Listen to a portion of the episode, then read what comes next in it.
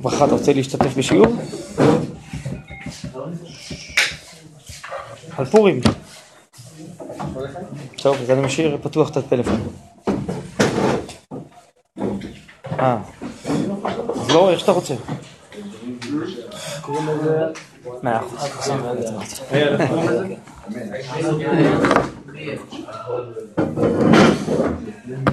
טוב, ידענו מדברי חכמים אמיתיים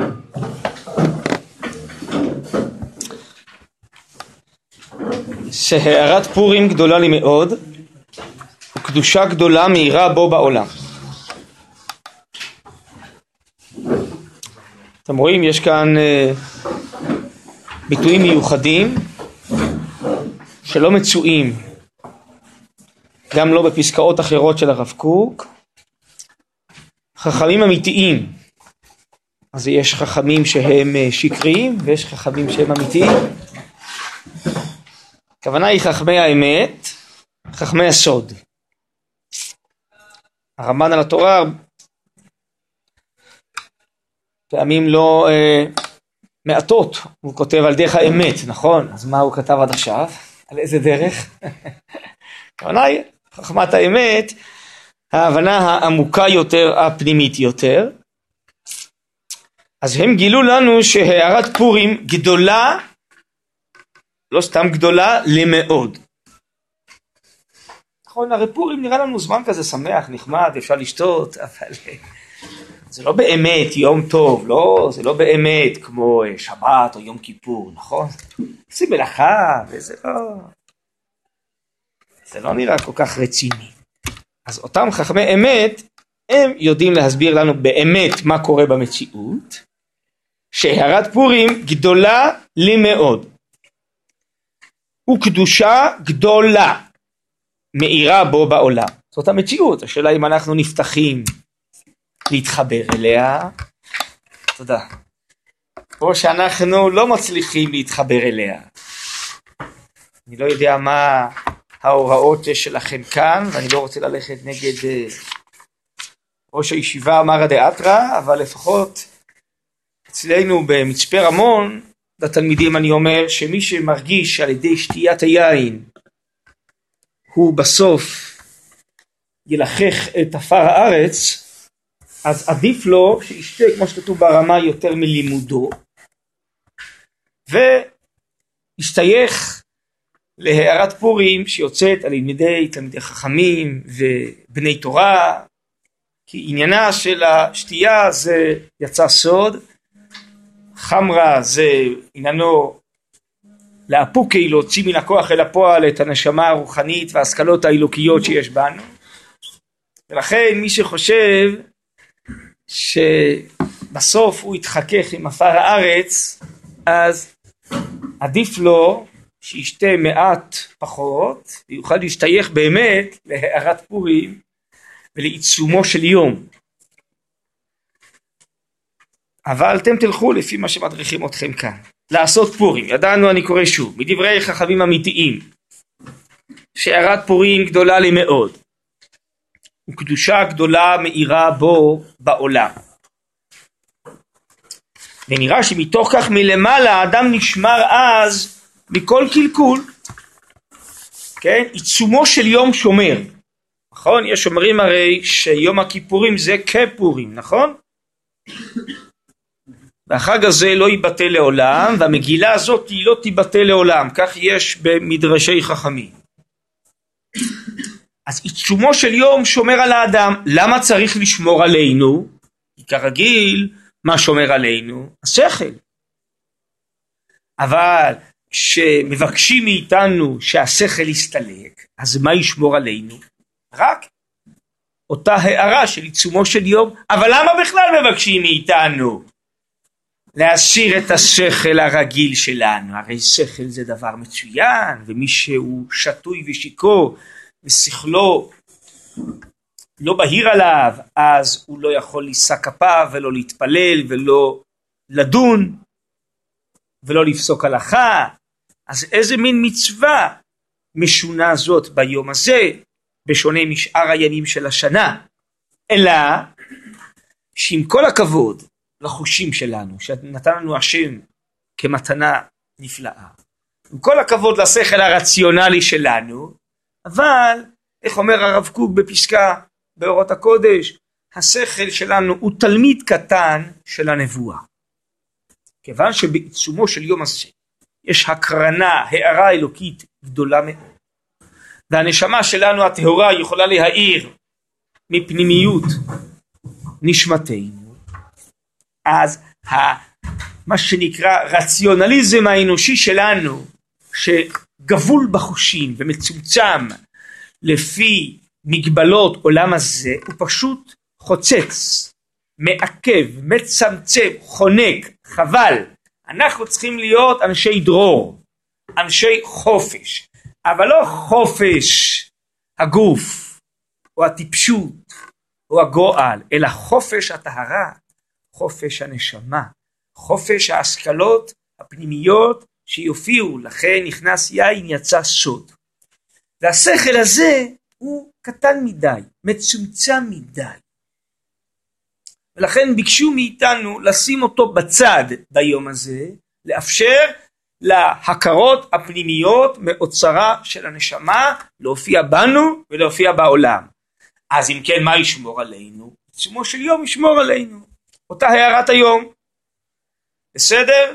ואינו צריך כל כך, אני ממשיך לקרוא, להיות על משמרתו. רק שלא יעבור חס וחלילה שום דבר מדברי התורה והמצווה.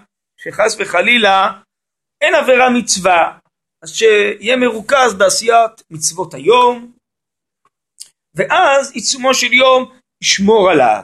אבל אם הוא חס וחלילה יעסוק בעבירות, או ישתולל, כן, ובסוף גם כמו שכתוב בפוסקים, יזיק את חברו ואת ממונו ואת גופו, אז יכול להיות שהוא גם יצטרך לשלם לו.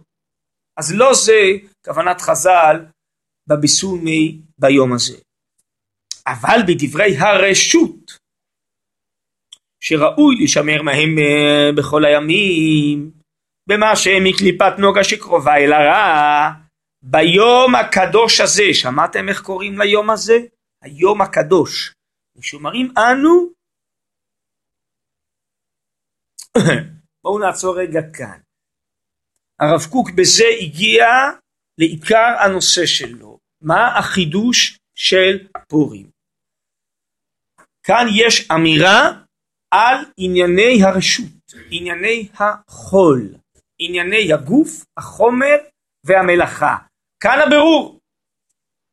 ביום הזה, זה שיש עבירות, זה אנחנו יודעים כתוב בתורה זה לא מתחדש ביום הזה. יש יש מצוות ויש קדושה זה כל התורה מלאה זה לא שייך ליום הזה. היום הזה יש בו ברור מה זה חולין. מה זה ענייני רשות מה זה ענייני חומר מה זה כל עולם הזה מה זה עמי הארצות וכל העמים. מה זה גוף לכן הגזירה הייתה על הגוף, וההצלה הייתה על הגוף, נכון? כמו שמביאים הפוסקים, ומביא המשנה ברורה, ולכן עושים משתה, שזה מצווה מרכזית ביום הזה, נכון? בסעודה, כי יש פה ברור של הגוף. האם הגוף הוא סתם חול, בלי אלוקיות, שכל הגוף והחומר הוא בעצם בסיס וכלי ולבוש להופעת הפנימיות, האלוקיות, הנשמה, הקדושה, המגמות האלוקיות. לחיים, ברוך אתה אדוני אלוהים מלך העולם, שהכל נהיה מקרוב. אמן.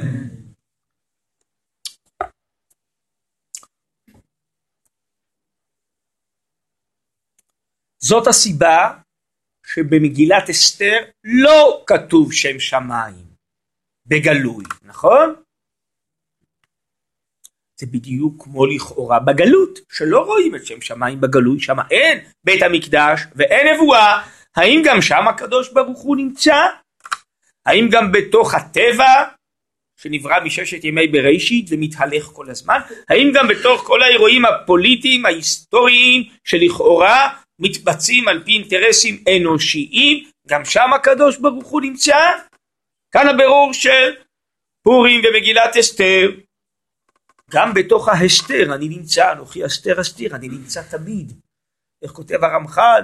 שלפעמים הקדוש ברוך הוא מסתתר מאוד, עצתו נסתרת מאוד, אבל תמיד הוא נמצא, תמיד הוא חושב על עולמו לטובה ורק לטובה. אז לכן במגילת אסתר אין שם שמיים.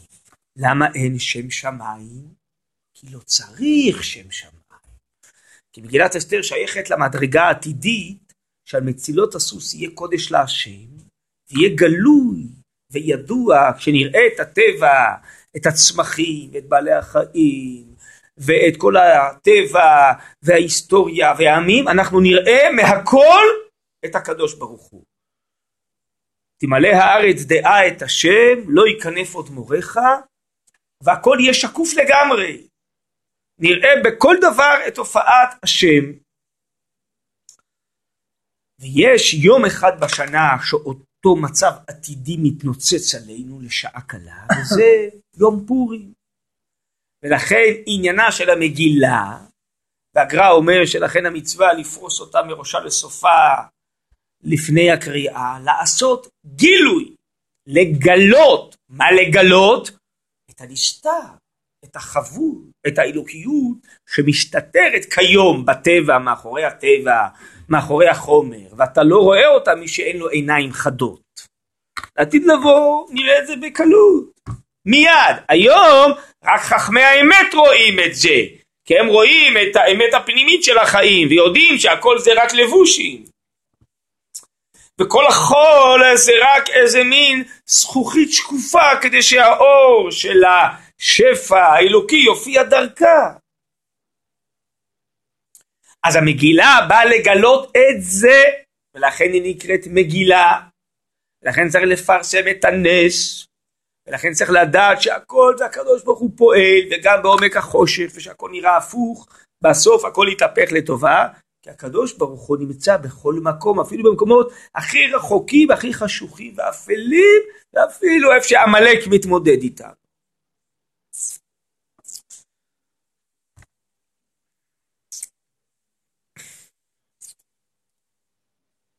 אז הבירור של היום הזה זה בירור נוקב, עמוק מאוד. מה זה חול? מה זה טבע? מה זה רשות? אבל, קראנו פה מיד נחזור, אומר הרב קוק, כיום בענייני הרשות, בענייני החול, אין הרבה אור אלוקי. איפה שיש קדושה ותורה ואמונה, יש הערה אלוקית גדולה. אבל איפה שיש חומר וחול לא רואים. לזה הוא קורא קליפת נוגה. נוגה זה אור חלש. שקרובה אל הרע. מה הכוונה? החול הוא לא רע, חול הוא לא נגד הקודש, חול וקודש צריכים ללכת ביחד. גוף ונשמה צריכים ללכת ביחד. הקונטרה לקדושה זה טומאה, זה לא חול. אבל החול קרוב לרע. למה? כי החול הוא הרי איזה כלי מצומצם, נכון? הוא גוף, הוא עולם הזה, הרוממות והשפע האלוקי והטוב האלוקי האינסופי צריך בסוף להיפגש, מפליא לעשות, קושר רוחני לגשמי, והגשמי הוא מצומצם, הוא פרטי, הוא חלקי, אז גם הוא אפל, אומר המהר"ל. כי האור האלוקי נמצא בכללות, בשפע, באינסופיות, ברוממות. אז כשיורדים מטה ומצטמצמים, האור נחשך ומצטמצם. אז זה קרוב לרע. ומכיוון שלא רואים שם את האור, בקלות עלולים להיסחף לרע, ולגסות, ולחומרנות, ובסוף גם לרשות ולטומאה. זה מה שהמהר"ל אומר בהקדמה לנתיבות עולם שם, עם האישה זרה והחומר רע. נכון, נכון, כן. ולכן צריך זהירות עם החול והחומר ולהישמר מענייני הרשות כל השנה, נכון? לא מצאתי לגוף טוב משתיקה. אבל ביום הזה, אף על פי שנהיה בלי שכל, גם הרשות והחול והגוף נשמרים מעצמם. הם מאוד קרובים עכשיו להערה האלוקית, כי זה עניין היום, לברר מה זה גוף, מה זה חומר, מה זה חול. אז אפילו שאנחנו בלי שכל חזק להישמר, המציאות תסחוף אותנו כלפי מעלה ולא כלפי מטה. בסדר? זה בעצם, אני חושב, קצת ממה שנאמר פה, כי הרבה ממה שנאמר פה אני לא יודע להסביר, אבל קצת אולי. אז נקרא שוב. אבל בדברי הרשות אני קורא מכאן שוב, שראוי להישמר מהם בכל הימים. במה שמקליפת נוגה שקרובה אל הרע. ביום הקדוש הזה משומרים אנו, כי נפל אז פחד היהודים על עמי הארץ. ורבים מהם מתייעדים. תכף תראו איך הרב קוק מבין את המשפט הזה, אני ממשיך לקרוא. כמו כן בכל דור ודור. נופל פחד היהודים, כל דור ודור באותה שנה באותו יום. מישהו יהודי כופר בעבודה זרה, הוא בודה באמונת כל אחד המיוחד ברוך הוא, אשר אפס זולתו, על שורשיהם של עמי הארץ למעלה, ויראו לשלוח בו יד לפתות ולהסית חס וחלילה, כי מצווה בעידנא דאסיק בה הגוני מגנה. אני אסביר אולי תמצית הדברים במילים שלי. מה זה נקרא פחד היהודי? מה זה יהודי? מי שכופר בעבודה זרה, אומרים חז"ל נקרא יהודי. כלומר, יהדות זו הופעת אמונת האחדות. לעומת מי שלא מאמין באמונת האחדות. מה החידוש של אמונת האחדות? שמע ישראל השם אלוקינו השם אחד. טוב, נו, מה זה כזה דבר גדול שהוא אחד ולא שניים? זה כולם יודעים. לא, הוא אחד, הכוונה היא שכל המציאות וכל הבריות וכל הטבע וכל ההיסטוריה וכל העמים וכל הברואים, כולם מתחיים וזה ענפים של התפשטות התגלות השם. אפילו החול והחומר והצמחים, עוד מעט ניסן, לא. מי שיצא בחודש ניסן, אז מה הוא יגיד? בראת אילנות טובים, לענות מהם בני אדם. נכון? עצים זה חולין, נכון? זה לא מצווה וזה לא קדושה. אם העץ הזה ימות לא ישימו אותו בגניזה, נכון? אבל הקדוש ברוך הוא מופיע גם בחול, לא? מי מחיה את העץ הזה? מי מגדל את התפוחים ונברך על התפוח בורא פרס? הקדוש ברוך הוא, נכון? הוא ברא אילנות טובים ולא בין בני אדם. אז כל המציאות זה התגלות השם במדרגת קודש וחול וקודש קודשים ומדרגות אין סוף. אבל הכל הכל הכל זה ענפים של התגלותו, כי הוא ממלא כל עלמין, וכבודו ממלא כל הארץ, נכון? ומלכותו בכל משלה. מלך הרש גרגותא, חופר באורות המים שמתמנה למנהיגות, אלא אם כן משמעיה הכריזו עלי, נכון? זה נקרא אמונת האיחוד. זה לא חוכמה לראות את השם רק בתוך בית הכנסת ובתוך בית המדרש. אתה רואה אותו גם בתוך השדה, בתוך החקלאות, בתוך התעשייה והכלכלה, בתוך ההצלחות הצבאיות, בחיי כל הברואים וכל החיות וכל הצמחים וכל התהליכים, שם גם אתה רואה את השם, זה נקרא יהודי, זה אמונת האחדות. מה זה אומר? נפל פחד היהודים על עמי הארץ? עמי הארץ זה האמרציות, זה הגוף, זה החול, זה החומר, זה לאו דווקא עמי הארץ, כל העמים, זה גם. אבל אמונת האחדות התפשטה לרגע אחד כמו שיהיה לעתיד לבוא, שביום ההוא יהיה השם אחד ושמו אחד, ואז יראו שהכל זה אלוקי והכל זה ענפים ענפים של התגלות השם. לרגע אחד זה יתנוצץ בעולם כמו איזה ברק בעומק החושך של הלילה שהתנוצץ ונעלם, כמו שהרמב"ם מביא את המשל הזה בהקדמה למורה נבוכי. אז הפסיק בעומק החושך של הגלות משהו הבזק עליון, וחזר ונעלם עד לעתיד לבוא. באותו הבזק מה ראינו? שאמונת האחדות התפשטה גם על העם הארציות, על כל החול והחומר והגוף, היה ברור לגמרי שהכל אלוקי. כיוון שפתאום ראו את השם והתברר שהכל אלוקי כמו בהר סיני, לכן הדור קיבלוה, לחדש את התורה. זו הופעה עליונה מאוד מה שהיה שם. למה פתאום קיבלו את התורה ויום טוב ותפילין ו... כי פתאום מתברר שבעצם הכל אלוקי.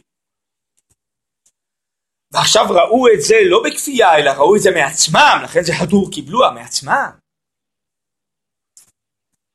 זה נקרא שנפל פחד היהודים, לא משון פחד של עונש, אלא הכרה, אמונה גדולה הופיעה בעולם, לא רק אצלנו, אלא גם אפילו אצל הגויים, ולכן רצו להתייהד. לכן רצו להצטרף לאמונת האחדות. בסדר?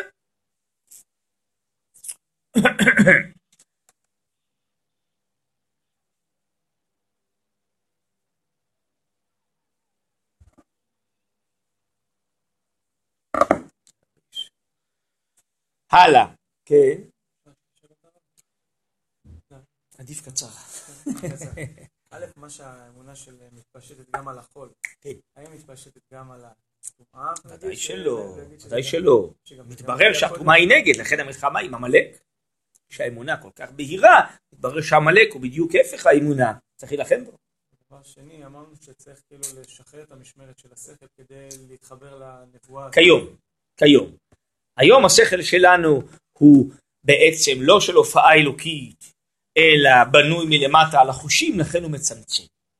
אבל עתיד לבוא שכל השכל יהיה הופעה של השכלות אלוקיות עלינו מתוך אה, רוח הקודש, לא יהיה צורך לסלק אותו, זה רק היום. זה בעצם השכל של הנביא שצריך חכם. נכון, נכון. זה רק השכל של היום. כן. הלאה.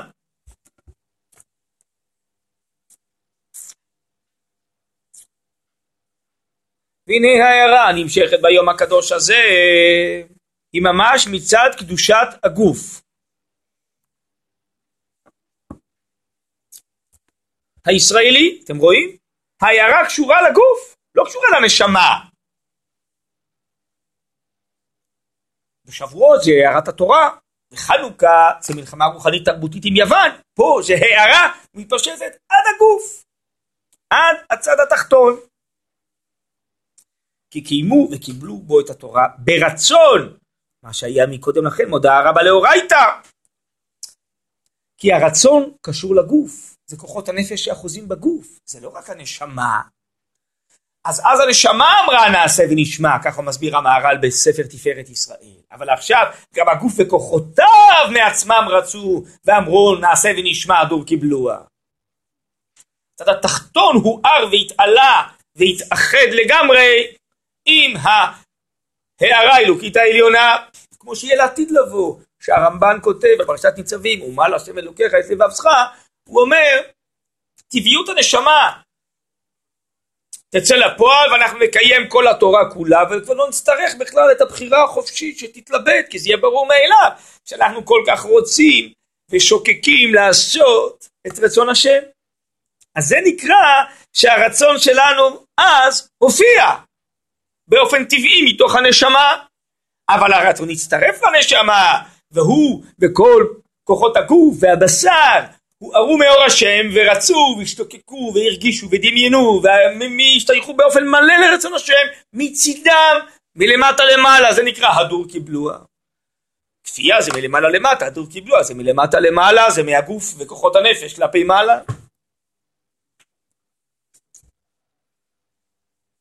הנה עכשיו הרב יבאר כאן את ההבדל בין קבלת תורה של שבועות של הר סיני לקבלת תורה של פורים.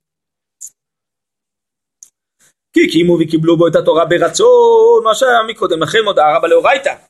זה האונס שהקדוש ברוך הוא כפה אותנו בהר סיני. את מה הוא כפה? את הנשמה? הנשמה תמיד רוצה לעשות רצון קונה. מה היה צריך לכפות בהר סיני? את הגוף. ואת כוחות הנפש שאחוזים בגוף.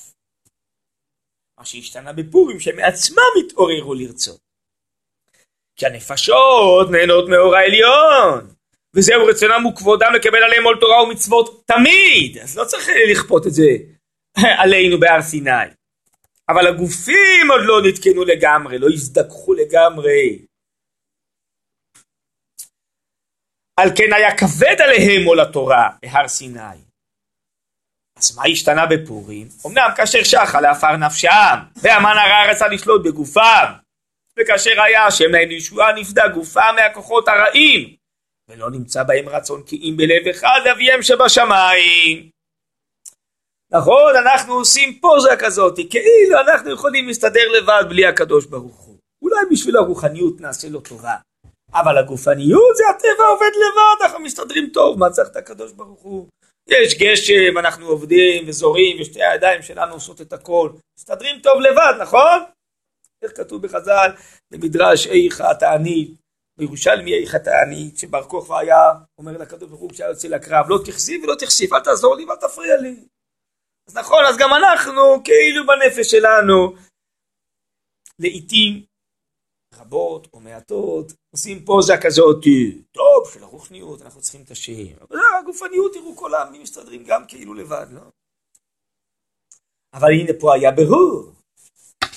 האם אתם מצליחים להציל את הגוף שלכם לבד? הרי המן גזר על הגוף, למה הוא לא גזר רק על הנשמה, על הרוחניות והמצוות כמו בחנוכה? כי הבירור עכשיו על הגוף. והוא גזר על הגוף, ואתם אה, לא מצליחים להציל את עצמכם לבד. אז הגוף כל כך הזדכך והתעלה והתפלל והשתייך ולמד תורה והכיר והרגיש שהוא לא יכול להציל את עצמו אם לא יהיה מזוכח לגמרי ויהיה שייך להשם. אז הגוף וכוחותיו יתעוררו מלמטה למעלה לתשובה להשם. אבל זה גם סוג של כפייה, לא? הם לא רוצים, הגוף לא רוצה כן, למות. אתה אז- צודק, הקדוש ברוך הוא מעמיד עליהם מלך קשה, כי המן כתוב בגמרא, הוא מכריחם לעשות תשובה, נכון? איפה... יפה, אז הקדוש ברוך הוא מגלגל דברים, מתוך ההכרח, אומר הרב ציודה במאמר על הפרק, אנחנו מתעוררים לרצות. הוא קורא לזה הכרח פנימי ובחירה חופשית גם יחד. הקדוש ברוך הוא מאוד יצירתי. אם אנחנו לא מספיק מתעוררים מעצמנו, הוא יגרום לכך שאנחנו בסוף נתעורר מעצמנו. זה התעוררות עצמית אבל זה נחשב. בטח! למה? כי? הקדוש ברוך הוא בחסדו רואה שלא התעוררנו לבד. אתה עושה פלפול פילוסופי, זה לא כך מעניין אותי עכשיו. אתה רוצה לתת לנו, יש זכויות, פחות זכויות, זה כן אנחנו, זה לא אנחנו, זה לא הדיון פה. הדיון פה מה קרה במציאות. הקדוש ברוך הוא בחסדו חס עלינו, ראה שלא התעוררנו, אז הוא גלגל מהלכים שחייבו אותנו להתעורר. כן, אבל זה שונה מכפיית הר כגיגית, אז כפה עליהם לא, הר כגיגית, אז כפיית הר. כגיגית, זה בכלל, הגוף לא הזדכך, והכוחות לא רצו. מיד אחרי הר סיני היה חטא העגל, לא, אתה טועה, זה- מציאות אחרת. אני שואל מבחינת הבחירה, לא מבחינת מה שקרה אחר כך. מבחינת הבחירה, כן, על זה גם כן אני מדבר. המציאות הייתה עכשיו שכל כוחות הנפש בפורים לשעה קלה הזדככו והתעלו והשתייכו לקדוש ברוך הוא. זה לא היה בהר סיני. הר סיני לכן זה נקרא כפייה, הנשמה רצתה, אבל הוא גפה את זה על הבחירה ועל כוחות הגוף והנפש. בסדר? זה חז"ל מסבירים לנו שכך היה, זה הסבר המציאות. זה מוצא חן בעיניך, לא מוצא חן, אתה כן רואה את זה בפסוקים, לא רואה, טוב, אני לא נכנס לזה עכשיו. אני רק מודיע, אנחנו לומדים תורה, נכון, אנחנו לא ממציאים חוכמה חדשה, אם זה נראה לנו או לא נראה לנו. בעצם חז"ל מודיעים, בהר סיני לא היה הסכמה של הגוף וכוחותיו, וכן היה בפורים, בסדר? למה זה קרה? כי הקדוש ברוך הוא עשה טריק כזה, וגרם לכך שבסוף הגוף וכוחותיו ירצו. בסדר? זה בחסדו, בחמלתו עלינו בעצם. אחרת אתה צודק, לא היינו מתעוררים. בעצם הכל מהקדוש ברוך הוא. אתה צודק. רק אומר הגר"א בפירוש שלו על מגילת אסתר, שלכן צריך לפרוס אותה ולקרוא את הכל ביחד, כי מי שקורא פרק אחד עלול לחשוב שבאמת זה רק אנושי. וכשרואים את כל הגלגול של הדברים, מבינים שזה הקדוש ברוך הוא מגלגל את הכל. והוא גם כן מגלגל גלגול כזה שבסוף אנחנו נתעורר. והאמת היא שככה כל ההיסטוריה בנויה, אומר הרמח"ל. בספריו הקדושים. שכל הקדוש ברוך הוא מגלגל מהלכים גדולים בעולם, ובסוף זה מעורר את הבחירה החופשית שלנו. היא לא מתעוררת מעצמה. אבל ברוך השם, על ידי המהלכים הכלליים הגדולים, בסוף גם אנחנו מתעוררים. אז לא כדאי לנכס לעצמנו יותר מדי דברים, שאנחנו באמת מתעוררים לבד. זה לא באמת ככה קורה במציאות. הקדוש ברוך הוא עושה דברים גדולים, והם, בזכות זה אנחנו גם כן מתעוררים. אבל זו סוגיה גדולה של ההשגחה האלוקית, הבחירה החופשית, זה בסדר, זה לא אה, יכול להתברר פה עכשיו. רק פה זה קביעת המציאות, שהקדוש ברוך הוא עשה שבסוף נתעורר והגוף וכוחותיו גם כן השתייכו להופעה האלוקית. בשביל מה? כי הקדוש ברוך הוא רצה שיהיה ברור על הגוף. ושיהיה ברור בעצם שגם הגוף כל כולו בעצם שייך ורוצה ושמח ומתרונן ומתעלה ומתקדש על ידי האור האלוקי. זה מה שיהיה לעתיד לבוא טבעי וקבוע. שכל הגוף וכל כוחות הנפש הכל יהיה מואר, שמח, פורח, מלא ברכה, מלא חיים, הכל מאור השם. בסדר? אז זו התנוצצות כזאת של לעתיד לבוא, שזכינו לה בתוך החושך של הגלות. טוב, הלאה. על כן, ביום הזה לעד הצללים ינוסו, החושך ינוס. כלומר, יש יום אחד בשנה שיש הערה כל כך גדולה כמו שהייתה אז, כמו שתהיה לעתיד לבוא. ואף כי בכל ימי השנה הוא כעובד עבודה זרה, יש הכוח השכלי מסתלק.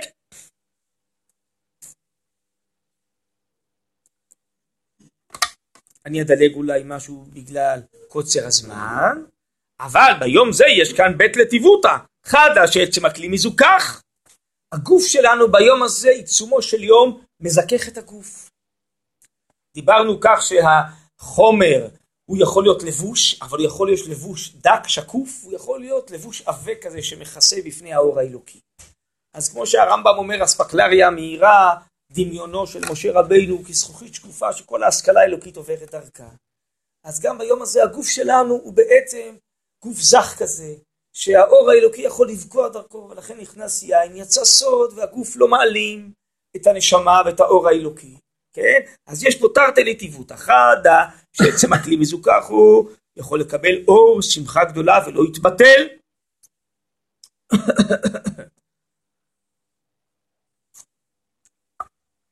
ועוד, שאפילו אם יסולק אור השכל מכלי הגוף, מה שאמרנו, שאנחנו מסלקים את השכל הרגיל, הנה כוחות הגוף בעצמם כבר קדושים הם, ושומרים מכל רע ומדביקים עצמם לשלמות האמיתית שבאור פני מלך חיים. אין יום אחר כזה בעולם שמותר לנו לסלק את השכל, כי זה השוימר הגדול של הגוף. דם מועד לעולם בין ער בין ישן, נכון? למה? כי יש לו שכל. לא כמו שנתת אש לחירש שוטה וקטן, נכון? שפגיעתם רעה. אבל ביום הזה, אף על פי שנסלק את השכל שלנו, הגוף יהיה שמור, זה עיצומו של יום, הגוף מזוכח, דבוק לאור האלוקי, אם רק נתכוון למצווה, ונעשה את זה כמו שצריך, אז יש לנו שמירה אלוקי של עיצומו של יום. על כן המצווה, רק רגע, אני לא יכול כי אני רוצה לסיים פה את הרעיון בזמן הקצר שנשאר לנו. על כן המצווה אז לי בסומי, הוא ממשיך אור גדול על ידי זה כמבואר בדברי האריזה. אני מדלג עוד פעם. אבל ביום זה כוחות הגוף גם כן מקודשים לשמיים, והאור חופף עליהם בכל גבנה. אתם רואים? כוחות הגוף. זאת הסוגיה כאן. עכשיו הרב קוק על פי זה יסביר גם כן דבר שבעינינו הוא נראה שהיום הזה קל. על כן יש לומר דהייתה עם עדי מלאכה לא קיבלו עליי ובפורים. למה? הרי כרגיל מלאכה סותרת את הקדושה בשבת וביום טוב, כי מלאכה זה מלאכת חולין, נכון? אבל ביום הזה, שקדושה כל כך עליונה מהירה, וגם כל החול והחומר הוא חופף עליו אור השם, אז גם המלאכה היא לא דבר שחוצץ ומפריע והוא נגד הקדושה, הפוך. מלאכה, ל"ט מלאכות לומדים מהמשכן, נכון? מי אמר שמלאכה זה דבר רע? מלאכה זה גם לשון מלאך, לא? דבר מצוין. זה להביא את אור השם לתוך החומר, לתוך הגוף, לפעול על פי רצון השם מה שצריך, לא? על כן, יש לומר דהייתה מדי מלאכה, לא קיבלו עליי בפורים. כי היום אין הגשמי מתנגד לרוחני. על כן, בכל יום טוב, שעיקר התכלית של כולם שיהיה מקרא קודש יתענג על השם. לא ייתכן להיות עסוק במלאכות חול. שהן שייכות לל"ט מלאכות דמעלמא דאיטלתיה, עולם הקללה, לטטיה, ל"ט מלאכות, זה שייך לקללה, שייכת אדם הראשון, מזוהמת הנחש.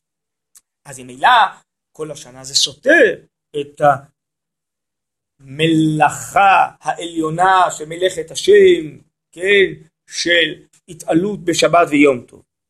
מה שאין כן היום שנהפכה הקללה לברכה, נכון?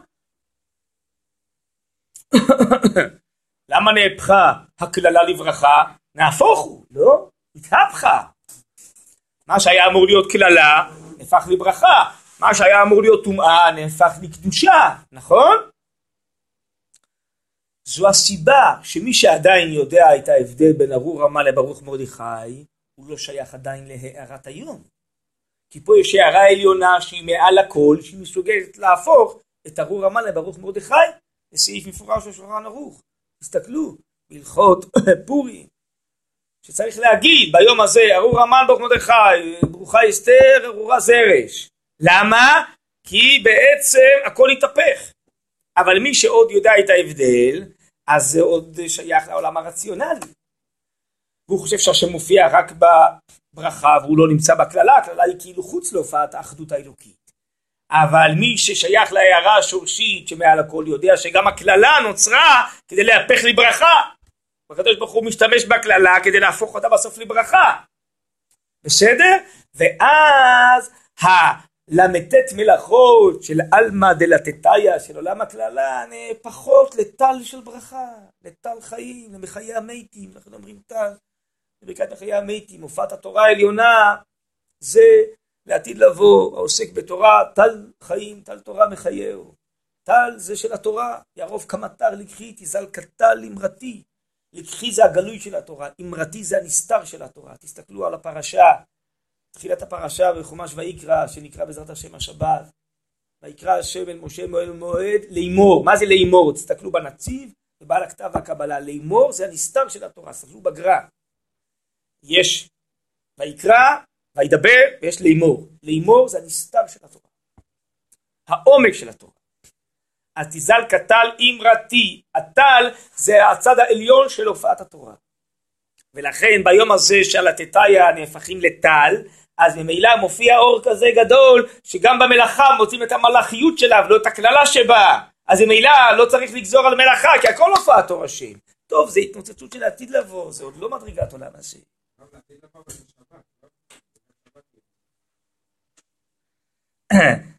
מה שאין כן היום שנהפכה הקללה לברכה, ואפילו עסוק במלאכה, שם הוא מוצא אור הקדושה. למה? כי נפל הקיר, התח טפל עלי שיח קודש. יש קיר שמסתיר את תופעת השם, ואנחנו חושבים שהטבע הוא לא אלוקי, והמלאכה היא לא אלוקית. אז ביום הזה נפל הקיר, ואז התברר שגם שיחים קטנים זה הכל אלוקי, שאפילו שיחתם של תלמידי חכמים צריכה לימוד. שהקדוש ברוך הוא לא מופיע רק בארזים שבלבנון, הוא מופיע גם בשיחים קטנים. מה זה שיח קטן? מה זה שיחה בלשון חז"ל? זה שיחת חולין. שיחה קלה שבין איש לאשתו. אז ביום הזה מתגלה שגם השיחים הקטנים של החולין הם הכל הכל הכל ציצים ופרחים של הופעת האלוקיות, נכון? למה? כי שיח אומר הרב באורות הקודש, זה שכל יכולת חיים. זה יותר משיר, זה שכל יכולת רצון. כי הרצון זה רצון טוב, אבל אם לא מופיע בחיים, אז זה עוד חסר. אז עכשיו ההסתרה של השיחים הקטונים נפלה, ומתגלה שהכל אלוקי, אפילו השיחים של החולין, הכל אלוקי. שכל יכולת חיים. הנפל הקיר שתחת אפל עלי שיח קודש, עשרה קיטרידים מסעבין נשברו בחד הסקיפת עשר בני המן, על כן הוא מגולה על ידי המגילה, ובין בדברים ודעת נפשך ינעם. בעזרת השם, שיהיה פורים שמח. פורים שמח.